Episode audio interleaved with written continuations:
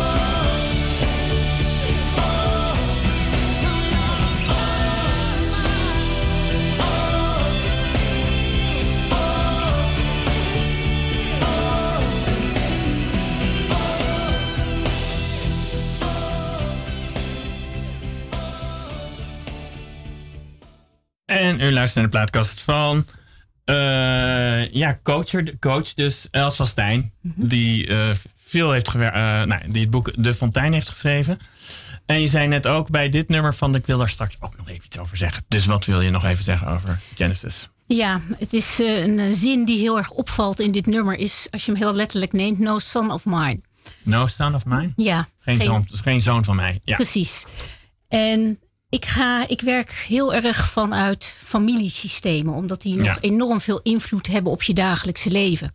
Als je gaat kijken naar herhalende patronen in iemands huidige leven, kan je die altijd terugvoeren op het systeem van herkomst. En een hardnekkig patroon is bijvoorbeeld dat je uh, altijd mot hebt met de, de bazen boven je in bedrijven. Of je neemt permanent te veel verantwoordelijkheid op je schouders. Of je vindt relaties ingewikkeld. Of groepen kosten je heel veel energie. Als dat een hardnekkig patroon is, dan kan je eigenlijk, de, als je echt daar verandering in wil, dan moet je iets op het familiesysteem vlak doen. En daarvoor heb ik de fontein ontwikkeld. En de fontein is eigenlijk een metafoor voor het familiesysteem om je plek te gaan uh, bepalen.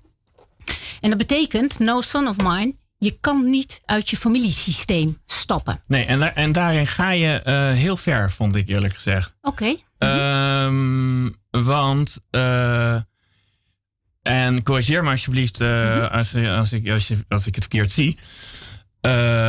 dat als jij geadopteerd bent, zelfs mm -hmm. als, als is het vanaf je nulde, dan is het belangrijker wat zich heeft afgespeeld bij de voorouders van het geadopteerde kind dat je nooit gekend hebt als geadopteerd kind, dan bij de ouders door wie, van wie je vanaf je nulde bent geïnterviewd. Bijna kan ik het zo lezen als ik het. Dat is heel zwart-wit, maar het is belangrijk om je te realiseren dat je familiesysteem, waar je van oorsprong vandaan komt, je biologisch systeem, ja. daar zitten bepaalde wetmatigheden in. Ja. En als jij daar een bloedband mee hebt, dan geldt dat ook voor jou. Dat kunnen we gewoon zien als we naar allerlei mensen kijken die we nou, gewoon de afgelopen decennia gevolgd zijn, dat dat van invloed heeft. En een heel goed adoptiegezin, die kan hele belangrijke rollen vervullen van liefde, aandacht, verzorging. Ja. Maar een kind is 50% een biologische vader en 50% een biologische moeder. Zie je het ook echt als 50-50? Ja, ja, zeker. Ja. En als je innerlijk je ouders afwijst, je biologische uh, ouders, ja. dan ga je ze juist onbewust volgen in die patronen die. Ja, maar je hebt ze niet gekend in het geval van een adoptiepersoon. Ja, maar dat is dus het bizarre. Dat ja. blijkt dus toch te zijn dat je onbewust, en we weten niet hoe dat werkt, alleen dat het zo werkt, dat je dan toch op een bepaalde manier bepaalde patronen gaat volgen. Dat als je later die mensen en die levens weer gaat combineren, dat daar enorme lijnen zitten. Dus je hebt een ongelooflijke onbewuste loyaliteit. Nee, eh, waar, waar, wat ik opeens bedenk. Mhm. In dat verband uh, kreeg toevallig van een vriendin die zei: Waarom nodig je niemand uit in verband met Katie Coty? Um, maar waarom ik daar nu, dit nu zeg, dat mhm. is uiteraard de bevrijding van de slaven in 1863 mhm. op 1 juli. Um, maar wat ik hierin interessant vind, is dat dat eigenlijk een heel volk is dat getraumatiseerd is. Ja. Uh, zou je dat ook zo ver kunnen doorvoeren? Dat je zegt, wacht even, uh, een volk met, uh, met slavenvoorouders heeft eigenlijk een trauma dat nog de meerdere generaties kan doorlopen dat ze aan het verwerken zijn. Klopt, dat is ook zo. En dat zie je dus met slavenverleden, maar je ziet het bijvoorbeeld ook met uh, gebeurtenissen in de Tweede Wereldoorlog van ouders, grootouders die in jappenkampen, et cetera, gezeten hebben. Ja, ja, ja, voor ouders toevallig? Nee, gelukkig ah. niet. Maar ik heb best een aantal cliënten uh, die daar uh, ja, dat soort familiesystemen komen. Ja. En je ziet heel vaak dat, dat, door, dat daar bepaalde trauma's nog ook gedragen worden, eigenlijk door de hedendaagse generatie. Ja. Want je zit in een familiesysteem. Je kan er niet uit weg. Hoeveel generaties gaat dat door? Want je hoort nu inderdaad van de derde generatie oorlogsslachtoffers. Uh, dat ook een beetje in verband met die slavernij zou ik bijna zeggen. Uh, zou je ook nog kunnen spreken straks van vijfde generatie oorlogsslachtoffers? Of gaat het dan op een gegeven moment toch wel echt verwateren? Ik, daar durf ik geen antwoord op te geven. Ik weet alleen wel dat wat niet door jou gedragen wordt, wordt doorgegeven aan een volgende generatie. En misschien is het belangrijk om ook even uit te leggen hoe die fontein werkt, om daar iets uh, aan toelicht, of een toelichting aan te geven. Misschien kan je je voorstellen dat je een fontein hebt met verschillende bakken met water. Ja. Met verschillende lagen en die bevloeien elkaar. En bovenin staan je grootouders. Ja. Dan staan jouw vier opa's en oma's. dan staan jouw biologische ouders. Ja. En jij staat altijd in de kindsbak onder jouw ouders. In volgorde van geboorte. En inclusief miskramen, geaborteerde kinderen. Ja, waar heb je al die theorie vandaan? Uh, ze komen, uh, met name Bert Hellinger, die Ja. heeft daar heel veel onder, uh, ja, uh, onderzoek naar gedaan en theorieën op losgelaten. En er zijn ook allerlei andere mensen die dat ook allemaal doorontwikkeld hebben. En ik heb daar ook weer mijn versie ook weer aan doorgegeven. Ja. En dan, als je dan kijkt naar jouw bak in de fontein, daar sta jij. Want heb jij broers, zussen? Ja, ik heb twee oude broers. Oké, okay, dan weet je nog iets van miskramen of geaborteerde kinderen of halfbroers of halfzussen? Uh, hier kom ik op het moment dat ik zeg dat gaat eraan. Ja, de luisteraar okay, in ieder geval niet aan, als het al zo is. Ja, precies. Maar stel dat jij twee oudere broers of uh, zussen boven je hebt, dan sta je op plek drie. Ja. En in de bak onder jou staat weer staat jouw kinderen miskramen, et cetera. En in de bak daaronder staan weer de kinderen van hen. En zo heeft iedereen één plek. En de ene plek is niet beter of meer waard dan de ander. Maar daar moet jij gaan staan om die onzichtbare fontein op te pakken. Om je kennelijk vervuld te voelen in het leven. En op het moment dat je daar niet gaat staan. Waarom uh, bekijk, bekijk, je dat zo hiërarchisch? Want als je dat eronder zit, dus dan zou Mhm. ik, ik bedoel, ik heb uh, in mijn geval een, een, een middelste broer. Dus, Ja. die, dus die zou als het ware boven mij moeten komen te staan om in een soort harmonie te komen. Nee, die staat in de kindsbak. Jullie staan met z'n drieën gezellig naast elkaar. Oh, oh, maar de wel. oudste broer die staat op plek 1. Uh, de middelste broer dan in dit geval op Oh, plek maar hoe moet 2. je dan, ik, wil, ik bedoel, het is ook maar een, een, hoe heet het nou? Een, een vergelijking. Hè? Je moet, Ja. een vergelijking moet je dus niet extreem letterlijk nemen. Maar hoe moet je, uh, v- vloeit die fontein dan een beetje naar elkaar toe? Of hoe moet ik me dat in de beeldspraak voorstellen? Ja, in, in de basis gaat hij van boven naar beneden. Ja? Maar ook in een bak stroomt hij ook nog een klein beetje extra van 1 naar 2 naar 3. En het kan niet zo zijn dat halverwege het proces op een gegeven moment mijn bak naar mijn middelste broer gaat vloeien, zou ik maar zeggen. Nee, nee. Jij krijgt jouw eh, portie die van jou is. En belangrijk is gewoon dat je op die plek gaat staan. Want je kan namelijk gaan uittekenen eigenlijk naar mensen waar het in de basis goed mee gaat. Die Ja. dus een structureel, eh, ja, gewoon eh, het goed met ze gaat in, eh, in liefde, in werk, in, in gezondheid, et cetera. En iedereen heeft wel eens pech, maar in Ja. de basis goed gaat. Dan kan je bijna uittekenen dat die mensen op hun eigen plek staan. Maar En aan de andere kant kan je dus ook uittekenen dat mensen waar het minder goed mee gaat, dat die om de een of andere reden niet op hun eigen unieke plek staan, Ja. maar misschien wel boven hun ouders zijn komen te staan om voor hen te zorgen, bijvoorbeeld. Want zo'n familiesysteem, die wil heel graag alle, die draagt alles met elkaar. En een kind wil niks liever dan dat het ouders goed gaat. Dus daarmee kunnen ze soms boven. Maar uh, Nou. bij ouders kan ik me nog iets bij voorstellen. Mhm. Maar, uh, nou sorry, uh, Joris en ik. Uh, uh, uh, ik wil zozeer niets liever dan dat mijn broers goed gaat. Ja, tuurlijk hoop ik dat het goed met ze gaat. Maar dat is natuurlijk een heel ander soort geven. Terwijl je wel Mhm. zegt 1, 2, 3. Ja, het is tussen ouders en kinderen is er, is er altijd een disbalans. Ouders geven altijd meer dan een kind terug kan geven. Ja, En tussen en als jij heb jij kinderen? ja. En jij in niet jouw geloof rol? ik, hè? Nee, we kunnen Nee. helaas geen kinderen krijgen. En in jouw rol als vader geef jij meer dan jouw kinderen ooit terug kunnen geven. En dat geven zij weer of aan hun kinderen of aan de wereld Ja, of waar dan aan. Ja. Dus tussen ouders en kinderen is het een disbalans. Maar tussen alle andere relaties, daar moet geven en ontvangen in Dit- balans zijn. En ook bij broers en zussen. Ja, nou ik zou je zeggen, eh, Mhm. en dit, dit, dat, dit maakt dit gesprek zo heftig. Toen ik het las, dacht ik, Ja. drie pagina's voordat het was, dacht ik. Enerzijds haal ik er heel veel uit. En aan de andere kant denk ik, ze heeft ergens geen. Eh, nou ja, laat ik het netjes zeggen. Ze snapt het niet. En dat gaat hierover. Oké. Jij weet niet hoe het is om kinderen te hebben. En dat merk je, want je krijgt veel meer terug dan dat je suggereert met deze vergelijking. Oké, dus je hoort, zegt dit nog eens wat je nu zegt? Wat ik echt in, wat ik, wat ik heel interessant vond als journalist, Ja. Is dat ik dacht: wat is er met die mevrouw aan de hand? Mhm. Want enerzijds zegt ze allerlei dingen die heel interessant zijn, waar ik wat mee kan. Die ik, en aan de andere kant denkt ze heeft bepaalde elementen, begrijpt ze niet. Die zegt ze allemaal wel, het is een prachtige theorie, maar pff, het klopt gewoon niet. En toen had ik aan drie pagina's voor het einde van het boek, dacht ik, verdomd, ze heeft geen kinderen kunnen krijgen en is ze verdrietig over. En verdomd, drie, dagen, drie pagina's later blijkt dat ook te kloppen. Want je krijgt namelijk veel meer terug van je kinderen dan dat. ehm, Ja, en toch heb jij nog steeds als ouder meer gegeven dan een kind ooit terug kan geven. En dat maakt niet uit of ik wel of geen kinderen, of wij wel of geen kinderen kunnen uh, krijgen. Ja, maar ja. Dat, zo zie ik dat absoluut niet. En ouders die geven het leven door aan kinderen. En daarmee hebben ze automatisch meer gegeven dan het kind ooit terug kan geven. En de rest van de rollen kunnen later eventueel ook weer door andere mensen over, op zich genomen worden. Waarbij die kinderen wel vaak eh, die onbewuste trouw aan hun biologische ouders hebben. En als zij die innerlijk in hun hart hebben, dan gaat het hem beter. Zullen we even naar muziek gaan? Is prima. Wat zullen we het pakken?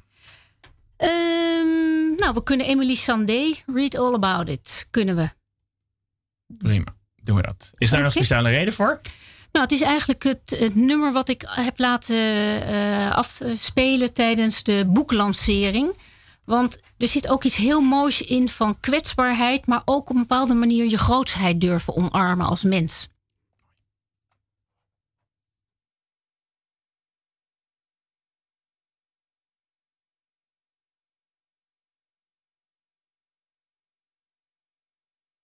Even kijken hoor. Open trager. Even kijken. Dan ik hoop dat. Hij Wacht even. We gaan even nog een keer openen hoor. Excuus voor deze. Uh, had je nou zo mooi ingeleid en dan krijg je dit. Kijk, Emily.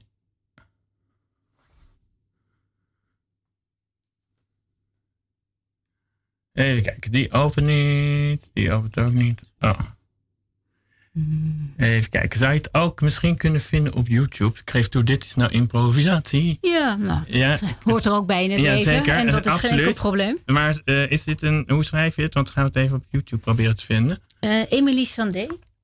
Oh ja. Emily. Kijk hoor. En uh, oh ja. En hoe heet het nummer? Read All About ah, ik It. Ik heb hem al gevonden gelukkig. Dat scheelt weer. Oké, ja.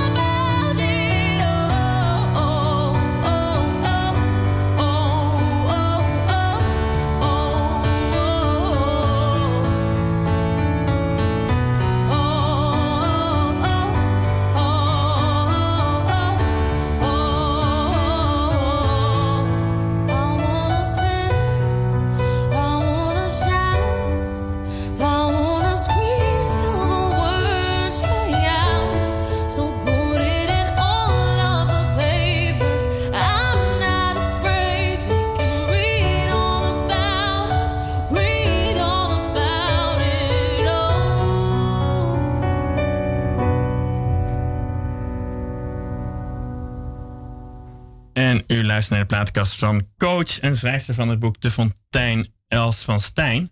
Uh, ik, ik zie in dit trouwens dat het gewoon echt letterlijk op elkaar ruimt trouwens, Fontein en Stijn. Maar dat hoort te zijn.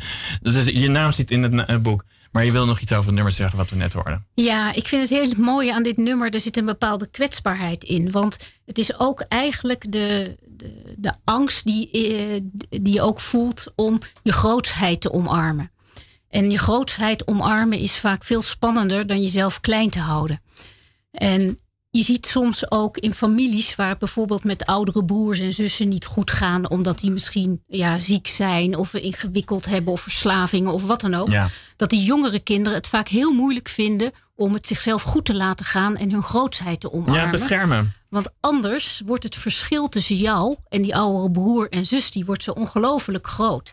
Dus dan is het makkelijker om jezelf klein te houden en ja, niet uh, het leven echt voluit te leven, wat misschien wel volledig ter beschikking voor jou is. Maar daarmee hou je het verschil tussen jou en dan bijvoorbeeld die oudere broer wat kleiner. En hier zie je ook weer een stuk loyaliteit. Zijn, zijn, zijn families eigenlijk uh, non-stop uh, correctiemechanismen met elkaar? Goeie vraag. Uh, of dat non-stop is? Ja, ik denk dat je dat wel zou kunnen zeggen. Want er zit een constante vereffening in geven en ontvangen. Ook tussen ouders en kinderen. Uh, ouders die, moeten uiteindelijk, die geven uiteindelijk meer doordat ze het leven aan het kind hebben gegeven dan het kind ooit terug kan geven. Maar even terugkomend op waar we het net over hadden. Ja. Ouders en de kind geeft natuurlijk ook heel veel aan een ouder, aan liefde en uh, trots en dat soort dingen. Dus dat is wel een vereffening, maar die moet uiteindelijk wel in een disbalans blijven. Dat een ouder meer geeft dan een kind ooit terug kan geven. Terwijl in andere relaties moet geven en ontvangen uiteindelijk in een constante vereffening nee, zijn. Om dan een klassiek patroon uh, um, te, te bedenken, wat je natuurlijk heel vaak hoort. Want in die zin is het ook uh, een beetje nieuw voor mij, vond ik gewoon in de klassieke beelden. Mm -hmm. uh, je, je dementerende vader helpen of moeder. Ah. Ik bedoel, die ja, heb je vast zekers. vaker te horen gekregen zekers. van mensen die het boek gelezen hebben. Ik ja. kan me niet voorstellen dat mensen dat niet eerder gezegd hebben. Wat is dan je antwoord? Zeker. Dan geef je als het ware de laatste fase heel veel uh, aan je moeder. En ja. ben je ook heel zorgzaam, of vader, wie dan ook aan het dementeren is. Ik uh, moet zeggen dat ik zelf op dit moment in zo'n fase zit. Mijn moeder is twaalf jaar geleden overleden. Ja. En mijn vader die heeft een combinatie van Parkinson en ook uh, dementie die er nu bij En heb jij broertjes en zusjes trouwens? Ik heb een oudere zus. En steunt En heel erg. En we hebben ook nog een broer gehad die nooit heeft geleefd. Dus wij zijn ja. eigenlijk met z'n drieën in de bak. Ja. Maar de kunst is dat als je voor je ouders gaat zorgen omdat ze ouder worden, ja. dan moet je dat doen vanuit jouw bak in de fontein. Dus vanuit de kindsbak. En je moet zorgen dat je niet boven ze komt te staan. Hoe kan je dat voorkomen? moment, ik bedoel... Dat heeft te maken met je innerlijke houding. Je kan ook denken van ja, papa, je kan helemaal niks meer. Ik moet alles voor je regelen. Uh, jij bent nu de kleine en ik ben de grote. Dat is de fontein omdraaien je mag best vanuit jouw kunde en gewoon omdat jij bepaalde dingen nog wel kan en hij dat niet kan, ja. kan je vanuit je kindsbak, ik sta op plek drie in de kindsbak, kan Ja. ik voor mijn vader bepaalde dingen eh, eh, regelen en organiseren, maar wel zo lang mogelijk zorgen dat alles wat hij nog zelf kan beslissen, dat hij dat zelf kan beslissen. Dus dan kan je wel helpen in dat keuzeproces van, goh, als je dit kiest, dan heeft dat cons- die consequenties. Als je dit kiest, heeft dat dat soort consequenties. Dus dat je de verantwoordelijkheid zo lang mogelijk daar houdt. En wat ik mijn zus ook heel erg, eh, waar we ons elkaar op corrigeren. Anderhalf jaar. Ah, ja. We zijn heel, heel goed eh, met elkaar. Dat is Oh, echt ja. fantastisch. En dat wij echt eh, ja, elkaar ook erop aanspreken van... goh, nu maken we ons te groot. Nu gaan we papa als te, als te klein maken. En daarmee komen we dus bovenin die fontein te staan. En dan vang je het niet meer op, want je moet op jouw eigen plek staan. En, en hoe merk je dat jouw zus wel nummer één is binnen zussen? En, Hoe ik dat merk? Nou, dus gewoon heel simpel. Zij is de oudste. En Ja. ook gewoon een bepaald respect. Ik praat ook over haar. Zij is mijn zus en ik ben haar zusje. Dus daarmee komen we ook al eigenlijk, gewoon duwen we elkaar eigenlijk al in die eigen bak. En het gaat erom dat ieder mens is een package deal. Jij, ik, Ja. mijn ouders. En daar zit al het mooie in, al het minder mooie. En ook alles waar je zo naar verlangt en niet krijgt. En mijn zus is mijn zus. En zij, haar plek is gewoon van haar. Zij staat op m- maar ehm, het, klinkt eh, zo strikt. Waarom mag jij niet op een gegeven moment halverwege het leven... en mag zij jouw zusje worden en zij, jij haar zus? Waar- waarom zou je daar ongelukkig van worden? Ehm, omdat daarmee ehm, ik eigenlijk dan op haar plek kom te staan en dan zij op de mijne. Dus dan vangen we eigenlijk die fontein niet meer op. En dan blijkt je gewoon geest in vervulling en in voldoening in het leven lijkt het minder goed met je te gaan. Maar het is nog veel belangrijker dat jij je ouders boven je kan houden. Want als jij je vader boven niet boven. Sorry, excuses. Maakt niet uit. Als jij je vader eh, niet boven je kan zetten in een fontein, omdat jij daar boven bent komen te staan, dan blijkt een mens bewijsdrang te willen te krijgen. En dat kan je uittekenen bij elk mens. Dat is gewoon een soort van wetmatigheid. Dus op het moment dat jij je vader, als jij denkt van ja, ik, eh, ik heb een oordeel over mijn vader of ik neem te veel verantwoordelijkheid voor hem over dat je hem eigenlijk dus Ja. te klein maakt, dan kan je dus uittekenen dat je bewijskracht Maar ik, kan me, ik bedoel, en, en nu spreken we over situaties die ik niet ken en jij er wel. Ja. Ehm, ik kan me heel goed voorstellen. dus Ik bedoel, ik weet wel over dementie. Een keer hiervoor tot emotioneel gezien heel erg tot de kindstijd terug. Ik weet wel, Mhm. mijn, mijn opa die ging echt een Indische herinneringen ophalen. Om, terwijl die knalde ment was, zou ik maar zeggen. Ja. Ehm, ik kan me ook voorstellen dat een, een, een dementerend iemand die als een kind functioneert in sommige opzichten, een troostende arm bij die grote mevrouw die toevallig als kind zo is, zoekt. Dat mag, maar, er mag dus, eh, maar de kunst is om die troostende arm te geven vanuit jij blijft altijd de grote en ik blijf de kleine. Ik ben jouw kind. En dan mag je gewoon vanuit de kracht die jij op dat moment in je hebt, omdat je vitaal bent, omdat je helder van En geest omdat je hem bent. lief vindt. En omdat je het lief bent. Nee, hij hem lief vindt. Dat is wel iets net een ander verschil. Sorry, wat zei je? omdat je hem lief vindt. Ik bedoel, Ja. je, je, je, zeker een dementerend iemand kan je gewoon op een bepaalde manier, dat ik nog bij mijn opa, eh, lief vinden. Mhm. Ook in zijn functioneren. Het is Ja, misschien is niet meer de man die hij Klopt. was toen hij, Ja. eh, weet ik, groot was en uh, als zijn verstand nog had, zou ik maar zeggen. Maar dan, dan geef je ook heel erg vanuit gewoon je eigen waarde. En omdat je om iemand geeft, ben je, wil je heel graag iets teruggeven. Nou, je hebt waarschijnlijk ook van je opa of van je vader of wie dan ook, heb je veel ontvangen. Nou, dat kan je ook rustig doen. Maar wel altijd in je achterhoofd van hij blijft mijn vader of mijn opa. Ik ben deze generatie. Nee, want ik vind het lief vinden vind ik eigenlijk wel een interessant thema. Als ik het een beetje zelf, ik breng het aan. Ehm, wanneer gaat lief vinden naar kleineren toe? Ja, dat is, daar zit inderdaad een, eh, een, eh, een, grijze, ja, een grijs gebied ertussen. Maar belangrijk is dat je ehm, geen verantwoordelijkheid gaat overnemen die niet van jou is. Het is nooit de taak van het kind om een ouder gelukkig te maken of daar voor zijn levensvervulling of wat dan ook. Natuurlijk mag je iemand blij maken. En je ziet ook vaak dat kinderen, eh, ook vaak eh, jongere kinderen, die gaan ouders, eh, als het daar niet goed mee gaat, gaat een kind de clown uithangen om maar afleiding. Maar dan zorgt een kind al eigenlijk voor een ouder. En dan kom je dus erboven te staan en dan pak je die fontein niet op. En dat is tijdelijk niet erg. Maar als dat op langdurig is, dan gaat als je je vader onvoldoende boven je kan zetten, dan krijgt een kind bedwijsdrang.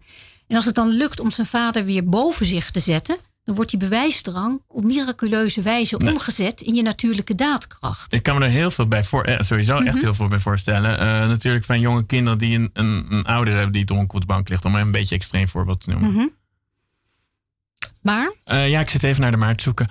Ehm, maar ik kan me wel voorstellen dat in een latere fase dat dat ook een beetje gaat, dat er een steeds grijzer vlak in komt, als het ware. Tuurlijk, je bent ook steeds minder afhankelijk van je als kind om voor je overleving van je ouders. Dus je kan steeds meer ook je vrijheden natuurlijk permitteren. Ja, Maar er zit altijd heel vaak eh, bij kinderen een enorm please gevoel van dat ze toch heel graag het hun ouders naar de zin willen maken. Ja. want inderdaad, ehm, we gaan nu even Tina Turner, dat had je al net Ja? al gezegd. En dan gaan we daarna over hoe kan je daaruit komen. Kijk. Gaan we het over hebben. heel goed. Ehm, ja, je had, ik, weet niet, ik weet niet, volgens mij had je niet in eten gezegd. Wat gaan we nu draaien? Tina Turner en eh, What's Love Got to Do With It. Is daar een reden voor of wil je die straks zeggen? Ehm, eigenlijk is de reden, dit was een van mijn eerste echte grote concerten in de arena. Dus dat heeft gewoon indruk op mij gemaakt eh, destijds. En ze praten ook over second-hand emotions. En ik vind het op zich ook wel interessant om ook nog even iets te zeggen hier over emoties. En dan sluit ik ook aan bij van hoe gaan we dit oplossen? Want het heeft ook te maken met goed leren omgaan met emoties.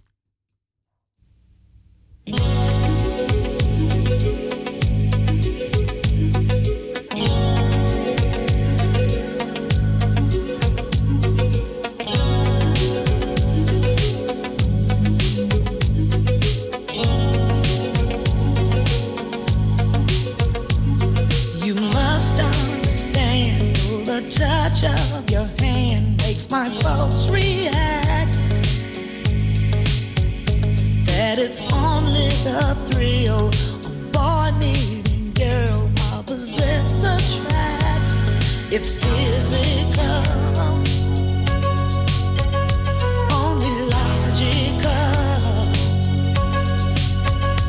You must try to ignore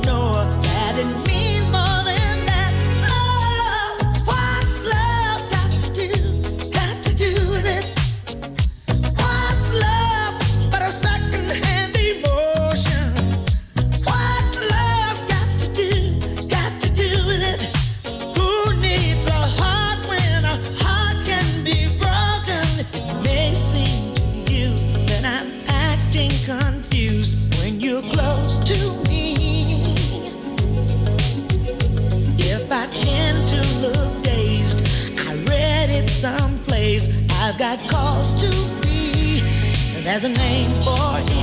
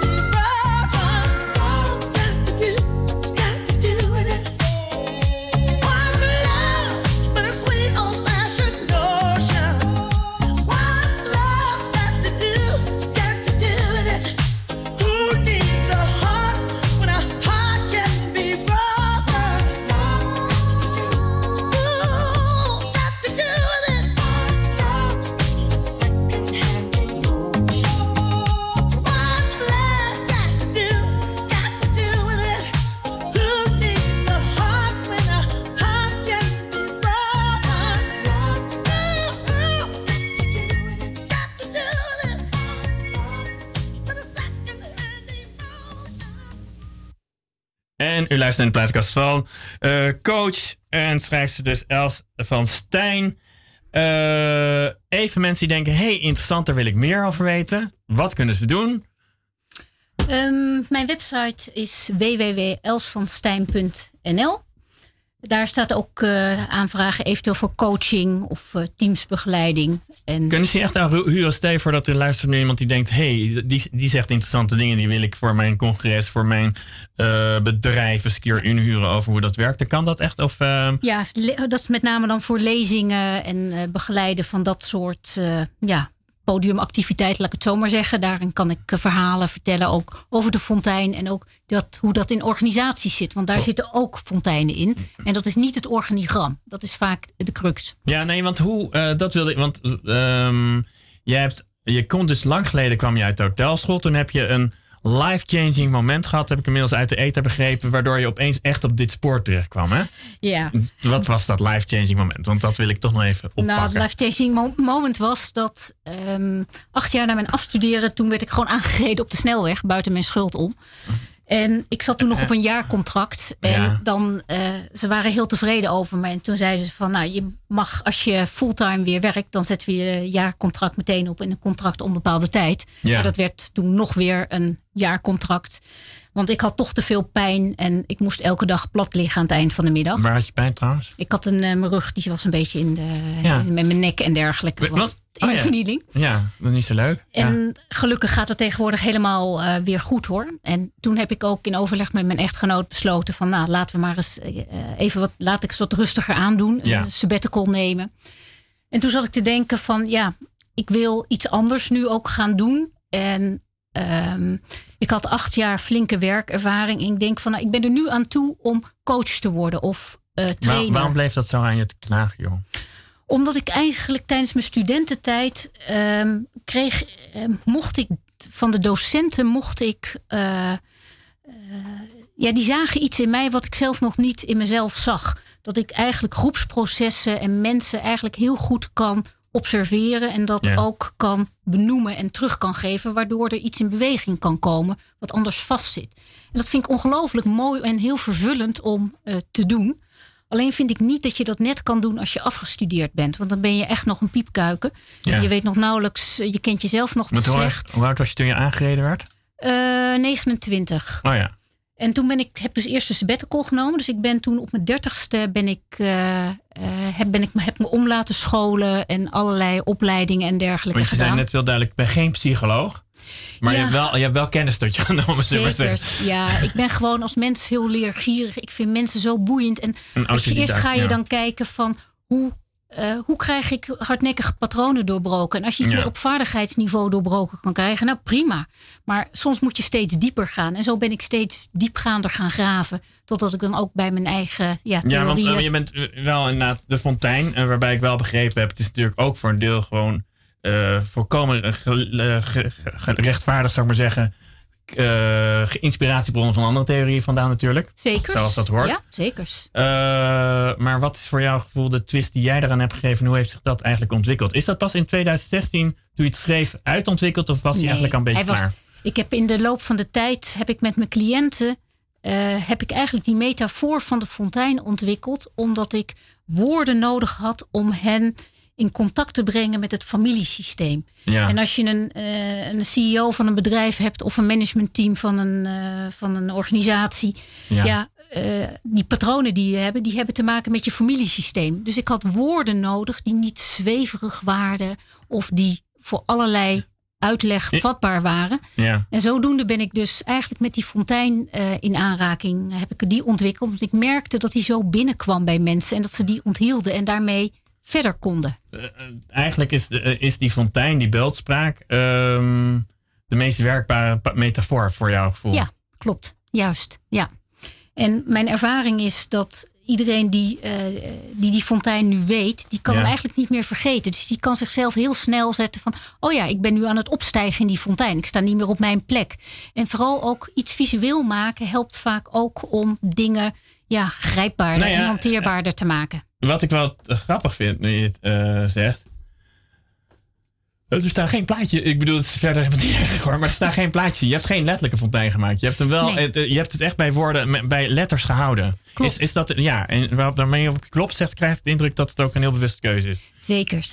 Ik vind eh, iedereen, als ik, voor, als ik aan iemand vraag om die fontein te visualiseren met die verschillende bakken met voorouders en eh, eventueel bakken onder jou, et cetera, dan heeft iedereen een eigen plaatje. En daar wil ik niet in gaan zitten. Dus dat moet iedereen zelf zijn eigen beeld daarbij houden. Dus daarom heb ik er heel bewust geen plaatjes in gezet. Heb je wel een. eh, heb je voor jezelf in je diep in je hart een plaatje? Ja, een bepaalde plaatjes. Eh, hangen er fonteinen in je huis als je, dat je, waar je af en toe naar kijkt? Ehm, ik heb inderdaad iemand die heeft ook een schilderij gemaakt voor mij naar aanleiding van de fontein. Omdat ze zei dat de fontein heeft zoveel indruk gemaakt op mijn leven. En ze zat op de kunstacademie. Dus die heeft een fontein voor mij geschilderd. Ja. En, ehm, maar het belangrijkste is dat hij zit gewoon in mijn... Eh, Heeft het jou geholpen? In Uiteraard. je eigen theorie. Ik bedoel, ik, ik ben een dagboekschrijver, dat wil ik best vertellen. Dat eh, ja. mijn eigen dagboekschrijven heeft natuurlijk ook mij geholpen. Zeker. Om tot een bepaalde rust te komen toen ik puur was. Eh, heeft dit boek schrijven of de hele ontwikkeling naartoe ook jou geholpen? Uiteraard. Ik ben, ehm, ik ben net als ieder ander mens. ehm, heb ik ook mijn mooie dingen, mijn minder mooie dingen en mijn ingewikkeldheden. En ik kom ook uit een familiesysteem waar dingen gebeurd zijn. Ja. En Dus, ben- wil je daar een tipje over of zeggen ja, van, bijvoorbeeld, ja hoor, zeker. Dat, ehm, mijn moeder was een, eh, ja, een hele bijzondere en eh, een prachtige vrouw. Ze was de tijd vooruit, was arts. Ja. Ik, had, ik was ook de enige in mijn eh, omgeving die een moeder had die werkte en eigen auto had en dergelijke. voor de goede orde, ja, 60 zeg ik even. Ik ben, ik ben nu 50. Dus, ja, nou, ehm, ongeveer die tijd. ja. Ja. En, ehm, maar ze had één nadeel, nee niet mat, maar en. Ze had Ja. één iets waar ik veel last eh, van had. En dat was dat ze overbezorgd was. Dus Ja. op een bepaalde manier, hoewel ze aan de ene kant een hele sterke vrouw was, was ze aan de andere kant overbezorgd dat er iets met mij zou gebeuren. Dus ik ben als klein meisje ben ik mijn gedrag gaan aanpassen om haar maar niet bezorgd te Heb maken. je af en toe een beetje eh, doodgeknuffeld gevoeld, zou ik maar even negatief Ja, zeggen? zeker. Want zij had zo'n behoefte om voor mij te zorgen. Eh, dat, ehm, de- en, en bepaalde dingen vond ze te spannend. Dus dat, Ja. eh, dus dat hield zij niet uit. Dus ik was braaf. Ik ging geen spannende dingen uitproberen. En als, zij, als ik ergens mee zat, dan ging ik dat niet delen. Want dan had ik het gevoel van ja, dan doe ik mama pijn. Ja. Dan ga ik er bezorgd maken. Maar dan sta ik niet meer op mijn plek. Maar dan kom ik er boven Wat te staan. jou, wat heeft jou eruit getrokken?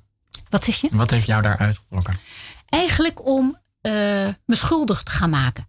Oh. Om het uit te Het klinkt op meerdere redenen leuk. Hoe heb je je schuldig gemaakt?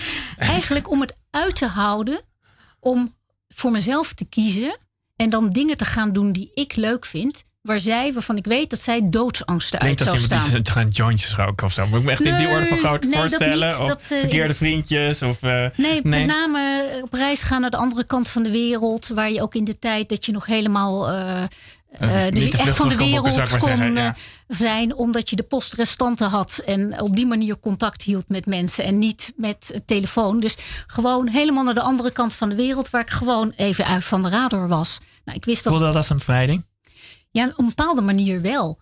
En ik moest daarbij ook mijn gevoel uithouden dat ik me schuldig voelde. Dat ik wist dat ik daar plezier aan het maken was. Terwijl ik wist dat zij dat heel moeilijk vond. Ja. En dat dat- was trouwens ook ten opzichte van je andere zus. Dat is het maffe minder om de een of Ja. andere reden. Dat, is, dat kan heel verschillend per kind kan dat eh, weer zijn. Maar dat uithouden van die schuld, Ja. daarvoor moet je je lijf kunnen bewonen. Je moet je lichaam goed kunnen voelen. En schuld is een klote gevoel. Sorry, excuus me voor Ja, het nee, woord. wat gevoel. Oké, maar goed. Het is niet zo'n heel fijn eh, gevoel. Oh, ja. Maar dat moet je uithouden. Want als je dat even uithoudt, dan, dan ga- ebt het weg. In plaats van dat het aan je blijft knagen. Ja. En de kunst ook om goed op jouw plek in de fontein te staan, Ja. is om daar te laten wat van de ander is. En aan te kijken wat van jou is. Ja, nou, nou, even inderdaad naar jou. eh, eh, wat ik al gezegd, ik weet geloof in de ether. Dus ik ben al vrij lang met jouw boek bezig geweest. Dus inderdaad, die beeldspraak heb ik ook in me zitten. Mhm. Voor, niet zoals jij natuurlijk, maar toch. Eh, hoe vertaal je dit naar eh, het feit dat je na besluit... ik maak me een bepaald meer los van mijn moeder... door naar eh, ver wegstand te reizen waar zij geen controle over je heeft... Naar, naar jouw plek in de fontein gaan. Want Ja, dat, lijkt want er al- ja, Want hiermee, dat, eigenlijk is dit ook geen optie. Want dan ga je uit verbinding. En Ja. uit verbinding, dan zet je je moeder ook nog niet boven je in de fontein. Want je moet, haar, eh, je moet een ouder helemaal accepteren zoals ze zijn. Met al het mooie, het minder mooie, die, eh, die eh, overbezorgdheid. En alles wat een ouder ook niet kan geven en waar je zo naar verlangt. geldt dat op een bepaalde manier ook voor werkgevers en werknemers? Zekers. Helemaal. Helemaal waar. Ja. Oké, mooi. Die heb ik heel snel die uitstap gemaakt. Eh ga verder. Ja. Ja. En de kunst is dus, die overbezorgdheid, die is niet van mij. Een vraag die ik heel vaak stel aan mijn cliënten en die ze ook hopelijk na afloop, afloop onthouden van mijn coachklanten, cliënten. Ja. Van wat is van de ander en wat is van jou? Want wat van de ander is, dat moet je loslaten. Als mijn moeder die overbezorgdheid, die is van mijn moeder. Stel dat je vader alcoholist is, dan is dat van je vader. Dat is niet van jou. Dat laat je Ja. daar. Dat laat je los. En je geeft eventueel feedback of je stelt grenzen. Ja, want je hoe kan je dat dan aan- doen? Want je kan best neem aan zeggen vanuit jouw theorie, eh, papa, je zit fout. Ja, je mag maar, dat is vanuit een bezwerend vingertje. Ja, dus dat is ook in ieder niet geval goed. Van, precies, dus je moet het vanuit feedback doen, vanuit wat, hoe iets op jou overkomt en eventueel grenzen aangeven. En vervolgens in, eh, aankijken wat van jou is. Dat je misschien dingen gemist hebt, dat je je eenzaam hebt gevoeld, dat je je misschien geschaamd hebt dat je vader eh, alcoholist of stel, of dat hij dat, eh, mijn vader is Nee, heb jij, heb jij wel eens letterlijk tegen je moeder gezegd... mam, ik hield veel van je, maar je was wel overbezorgd?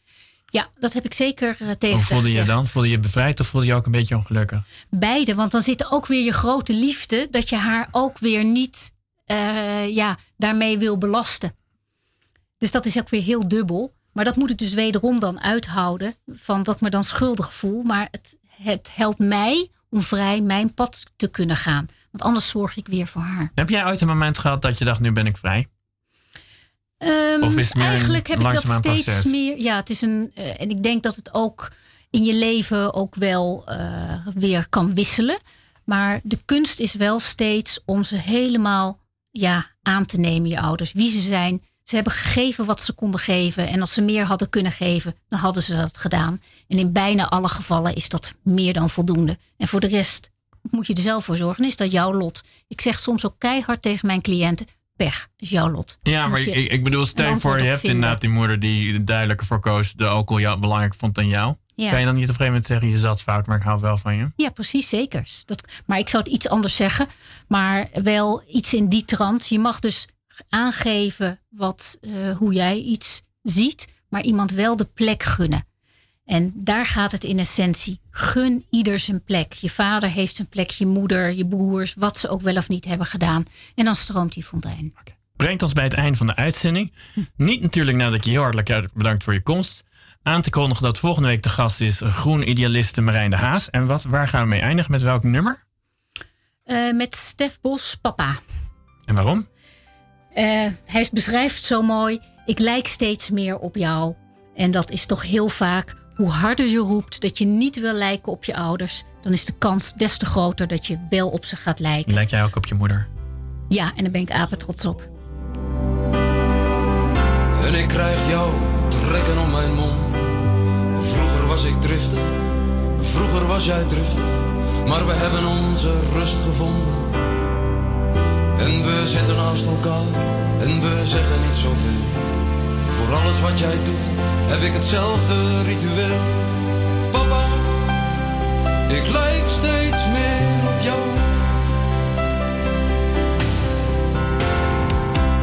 Ik heb dezelfde handen. En ik krijg jouw rimpels in mijn huid. Jij hebt jouw idee, ik heb mijn idee. En we zwerven in gedachten, maar we komen altijd thuis. De waarheid die je zocht en die je nooit hebt gevonden. Ik zoek haar ook en te vergeefs, zolang ik leef. Want papa, ik lijk steeds meer op jou. Vroeger kon je streng zijn. En God, ik heb je soms gehaat. Maar jouw woorden, ze liggen op mijn lippen. En ik praat nu, zoals jij vroeger praatte. Ik heb een goddeloos geloof. En ik hou van elke vrouw. En misschien ben ik geworden, wat jij helemaal niet wou. Maar papa, ik lijk steeds meer op jou. En jij gelooft in God, dus jij gaat naar de hemel. En ik geloof in niks, dus we komen elkaar